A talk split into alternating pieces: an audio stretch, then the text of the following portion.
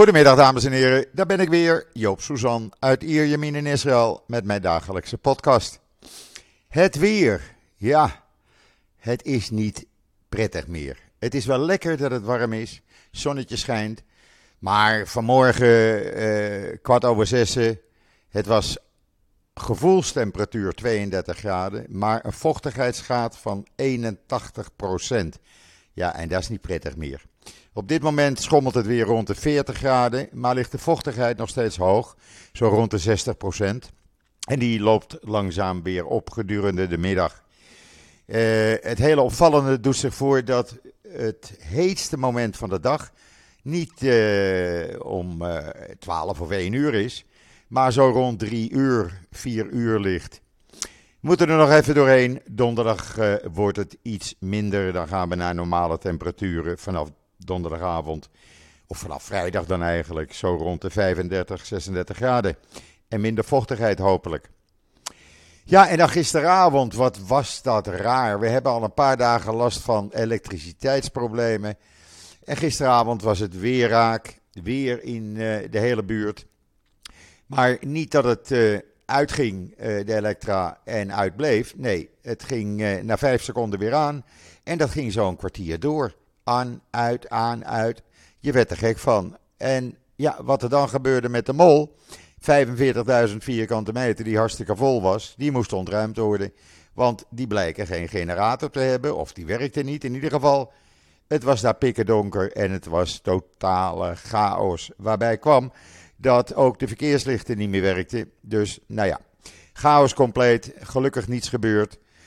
Maar ook dat hoort uh, bij het leven in uh, het Midden-Oosten, zullen we maar zeggen. Hopelijk dat het uh, nu goed blijft gaan, die Elektra. Want ja, ik belde naar de storingsdienst. Nou, dan krijg je alleen een bandje te horen waar de problemen zijn. Ja, nou, dat weet ik zelf ook wel. COVID. Ik publiceer het wel niet, maar noem het toch op verzoek van velen van jullie. Gisteren, de afgelopen 24 uur, 1087 nieuwe besmettingen. In totaal zijn er 11.942 uh, mensen die het virus onder de leden hebben. Er liggen nog 130 ernstig zieken in de ziekenhuizen.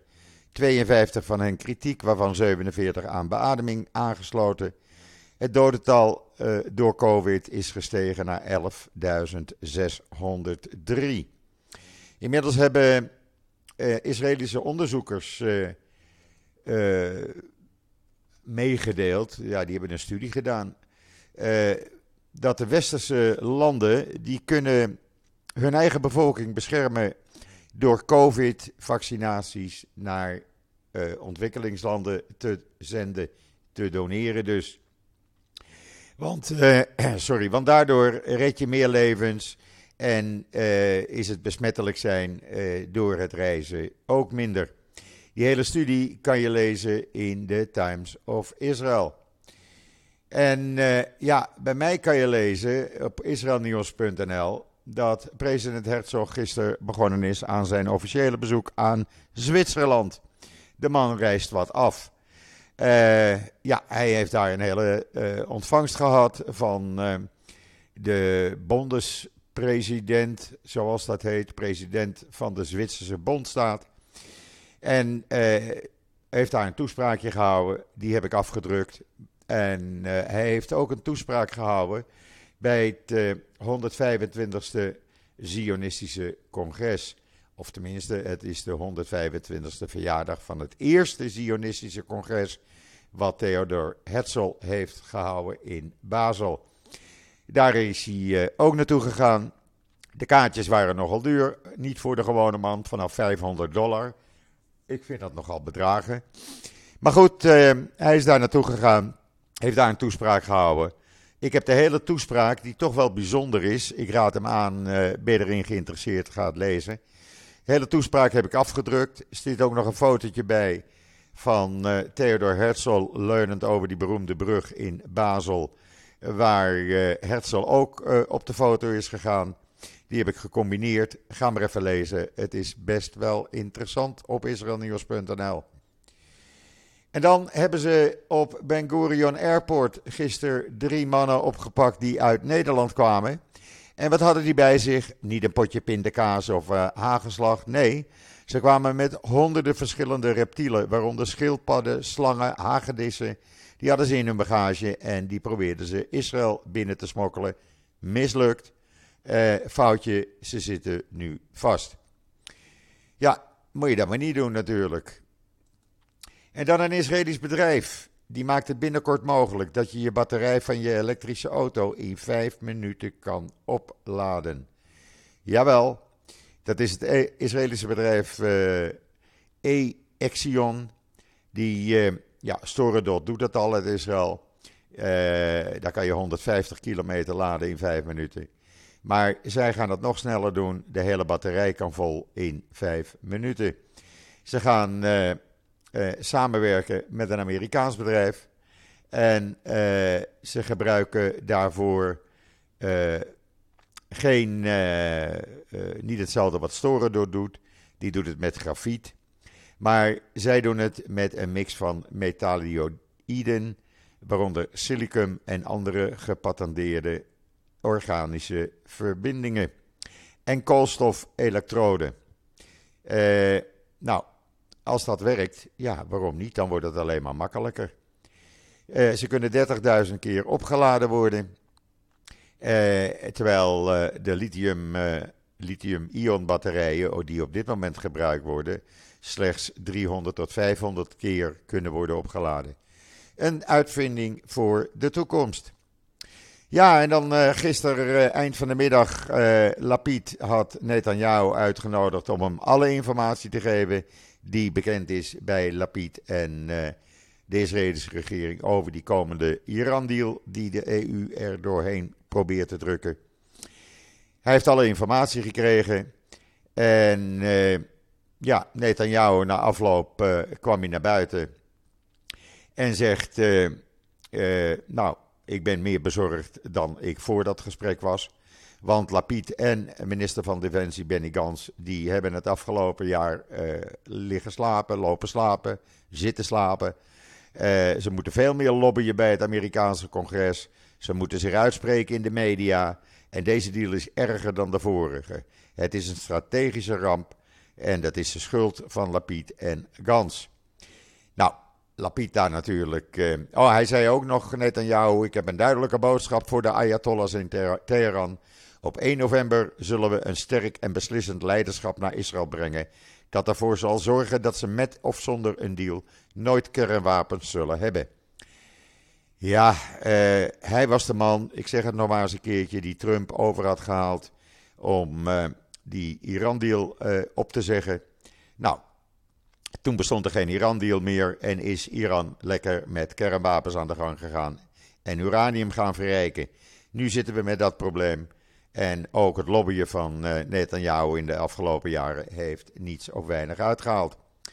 Uh, Lapid en zijn partij vielen natuurlijk Netanyahu meteen aan. En zeiden onder andere, naast de enorme schade die hij tijdens zijn Amsterdam heeft aangericht, blijft de oppositieleider de veiligheid van de Israëlische burgers saboteren en in gevaar brengen. Nou, het hele verhaal van de hele bonje het staat allemaal woordelijk in israelnieuws.nl. Hele mooie video in Israël Nieuws. Want gisteravond was de eerste Seligot-dienst, de eerste gemeenschappelijke gebeden voor goddelijke vergeving, die voorafgaan aan de Joodse hoge feestdagen. U weet, die beginnen 25 september met Joods nieuwjaar Rosh Hashanah. En gisteravond was de eerste Seligot-dienst bij de Klaagmuur, de Kotel er is een video van gemaakt en die heb ik online staan. Hartstikke mooi om te zien. Ik vind dat elk jaar opnieuw heel indrukwekkend. Echt waar. Uh, oh ja, hebben jullie nog een tip voor Joop? Ga dan even naar uh, eh, fooiepot.com. eh, daar zie je onder andere de podcast van Joop, de Joop Soezans podcast. En ja, dan kan je een tip geven voor Joop. Want ik wel, wil wel door blijven gaan natuurlijk. Het mag een euro zijn, het mag 5 euro zijn. Maakt niet uit wat jullie zelf kunnen missen. Van elke 2 euro die ik ontvang, gaat 50 eurocent naar Alin Kinderhospitaal in de Negev. Ik vind dat een enorm goed doel.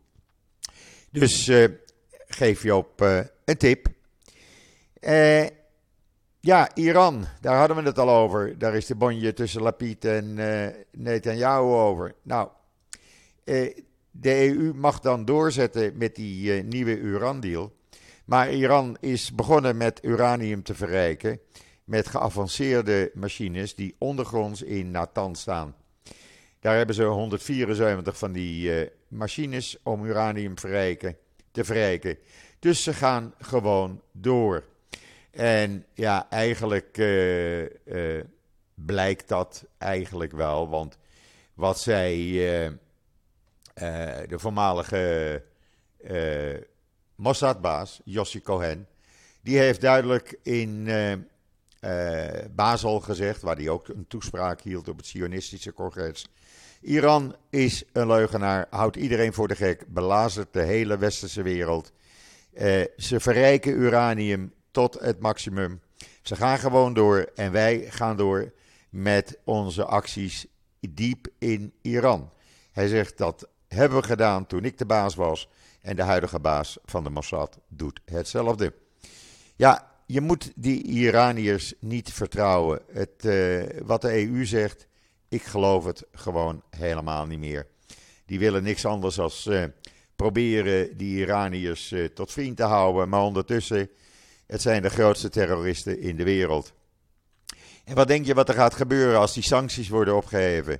En Iran krijgt honderden miljoenen dollars weer ter beschikking. Gaan ze daar huizen van bouwen, scholen van bouwen? Wel nee. Dat gaat naar Hezbollah, dat gaat naar Islamic Jihad, Hamas, noem maar op. Elke terreurgroep die uh, uh, ze kunnen en willen steunen. En ondertussen leidt de gewapende strijd op de westelijke Jordaan-oever langzaam op. Daar wordt nu voor gewaarschuwd. Het is uh, zelfs mogelijk dat we weer naar een intifada gaan. Er is een soort machtsstrijd gaande tussen Abbas en Hamas en Palestijnse Islamic Jihad. Die twee die willen de macht overnemen op de westelijke Jordaanoever. Er is steeds meer verzet, steeds meer uh, geweld. En Abbas heeft dat niet meer in de hand. En er wordt nu voor gewaarschuwd. Dat kunnen we er ook nog wel bij hebben. En dan in Frankrijk. Ze hadden het geheim proberen te houden. Maar het blijkt dat een Joodse man vermoord is door zijn moslimkamergenoot om 100 euro meer niet. Uh, hij heeft hem vermoord met een bijl, daarna zijn gezicht in de brand gestoken. En uh, ja, dit is gewoon terreur. En uh, dat de Franse autoriteiten dat geheim probeerden te houden, want het heeft zich al afgespeeld op 20 augustus. zijn familie van de Joodse man woont in Beersheba, hier in Israël. En de Franse autoriteiten die proberen gewoon alle details geheim te houden. Maar de Joodse gemeenschap is erachter gekomen. En uh, ja, het is niet te geloven. Het is niet te geloven, mensen. Ik vind het verschrikkelijk. Uh, je kan het lezen in de Times of Israel. Gaan de scholen wel of niet beginnen op 1 september? Nou, iedereen is positief. Uh, minister van Onderwijs, minister van Financiën, uh, de vakbonden zijn positief, maar ondertussen is er nog geen overeenkomst. En het gaat om uh, een paar honderd shekel per onderwijzer. Ja, dat loopt natuurlijk in de miljoenen, in de miljarden misschien wel. En uh, laten we hopen dat die overeenkomst er wel komt. het is een traditie. Ik zeg het vaker, het is gewoon traditie hier in Israël. En dat zal nu ook wel uh, hopelijk met de sisser aflopen. Ik zie bij mij in de straat in ieder geval dat de onderwijzers bezig zijn de school op te, op te kalevateren met uh, allerlei uh, versierselen, slingers en buiten allerlei versierselen. Het is altijd heel leuk. En dan, Israël had de belofte gedaan om in 2030 geen nieuwe benzine- en dieselauto's te laten verkopen. Nou, dat lukt niet. Men loopt uh, achter. In 2018 was Israël een van de eerste landen die daarmee kwam. Maar uh, ja, het loopt nu zodanig achter dat dat nog uh, jaren na 2030 doorgaat. De infrastructuur voor elektrische auto's is nog niet compleet. Die is er nog. eigenlijk heel weinig. de aankoopprijs is veel te hoog. Ja, en er worden, er worden echt in 2013 geen 300.000 of meer elektrische auto's hier verkocht. Echt niet. Dat zal gaan om misschien 100.000, maar meer ook niet. Daar moet dus wat aan gedaan worden. Eh, waar eh, wel wat aan gedaan wordt, en dat is wel lekker hoor. Eh, hier wordt de benzine altijd per maand vastgesteld. Op de eerste van de maand gaat de nieuwe prijs in voor de hele maand. En ze gaan weer, het is vanavond wordt het bekend, maar zoals het nu eruit ziet, gaan we weer een paar centen naar beneden. En we blijven dus onder de 1,90 euro per liter. Dat is toch lekker? Ik eh, ben daar best blij mee. Het zal uh, net iets boven de 6 shekel uh, per liter uitkomen. Men denkt 6,13, 6,15, 6,18. En dan wordt het vastgesteld voor een maand. Hartstikke lekker. En dan, ik moet zeggen, daar doet de regering wel wat aan. En dan Novak Djokovic, de tennislegende, hij komt naar Israël. Tussen 26 eh, september en 2 oktober speelt hij in de Expo Tel Aviv. En hij speelt in het Tel Aviv Watergen Open 2022. Het is allemaal bevestigd. Wil je hem zien? Want daar mag een heleboel landen niet in omdat hij niet gevaccineerd is. Uh, noteer het en kom lekker kijken naar dit uh, tennistoernooi. Ja, en dan was het vanmorgen weer raak bij uh, Joseph Tomb, oftewel het graf van Jozef. Daar ging een aantal Israëli's naartoe zonder toestemming en ze werden meteen beschoten door Palestijnen, waarbij twee van hen licht gewond raakten. Ja, je mag er alleen maar naartoe als je dat coördineert met het leger. Dat hebben ze niet gedaan. En uh, ja, het waren jonge mensen. Een jongen van 17 uh, eh, is gewond en een man van in de 20. Ja, moet je dat niet doen. Het uh, brengt alleen maar narigheid met zich mee. Ik begrijp dat ook niet. Maar goed, wie ben ik, zal ik maar zeggen. En dan. Het Witte Huis oefent druk op Israël uit. Jawel, want Israël had ooit een aantal weken geleden gezegd: Nou, wij voelen er wel voor om die Allenby Bridge, die is altijd zo druk. Daar, daar moeten de Palestijnen doorheen, overheen, om die dan 24 uur per dag open te houden. Maar het ziet er niet naar uit dat die deadline gehaald wordt van 30 september. En Amerika zegt nu, ja, waar bemoeien ze zich mee? Maar die zeggen dus, ja, uh, hebben wij maling aan, je zorgt maar dat die open gaat. Want hij is nu alleen maar open van 8 tot half 12. En in het weekend van 8 tot half 4. En dat uh, zijn toch wel lange wachtrijen voor die Palestijnen.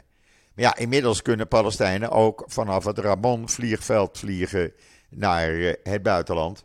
En dan hoeven ze helemaal die uh, grens niet over. En ja, dat wil Abbas weer niet. Want Abbas vindt dat weer normalisatie. Ja, hoe kan je problemen de wereld in helpen? Nou, zo dus. Ja, en dan even over München 72. Want er speelt zich heel wat af. Uh, er gaan hier in Israël berichten de ronde de afgelopen uren. U hoort dat in Nederland allemaal niet. Ik weet wel dat trouwens in Nederland gisteren de eerste van een viertal documentaires is uh, vertoond. Maar in ieder geval, hier in Israël gaan sterke geruchten eronder dat Duitsland de schadevergoeding aanzienlijk zou willen verhogen aan de families en nabestaanden. ze hebben nog geen overeenkomst, maar ze proberen er alles aan om uh, die families naar die uh, herdenking komende maandag in München te krijgen. En die families en de Israëlische president en de voorzitter van het Olympisch Comité, die gaan niet. Uh, ja, en dan staan ze toch een beetje voor Jan met de korte achternaam. want daar gaan die herdenkingen natuurlijk over. Dus Duitsland probeert het compensatieaanbod te verhogen. ik weet uit betrouwbare bron eh, dat men hard werkt. En ik hoop dat het gaat lukken, want ik gun het ze van harte. In ieder geval is er op uh, eh, 21 september, dat is de Joodse datum van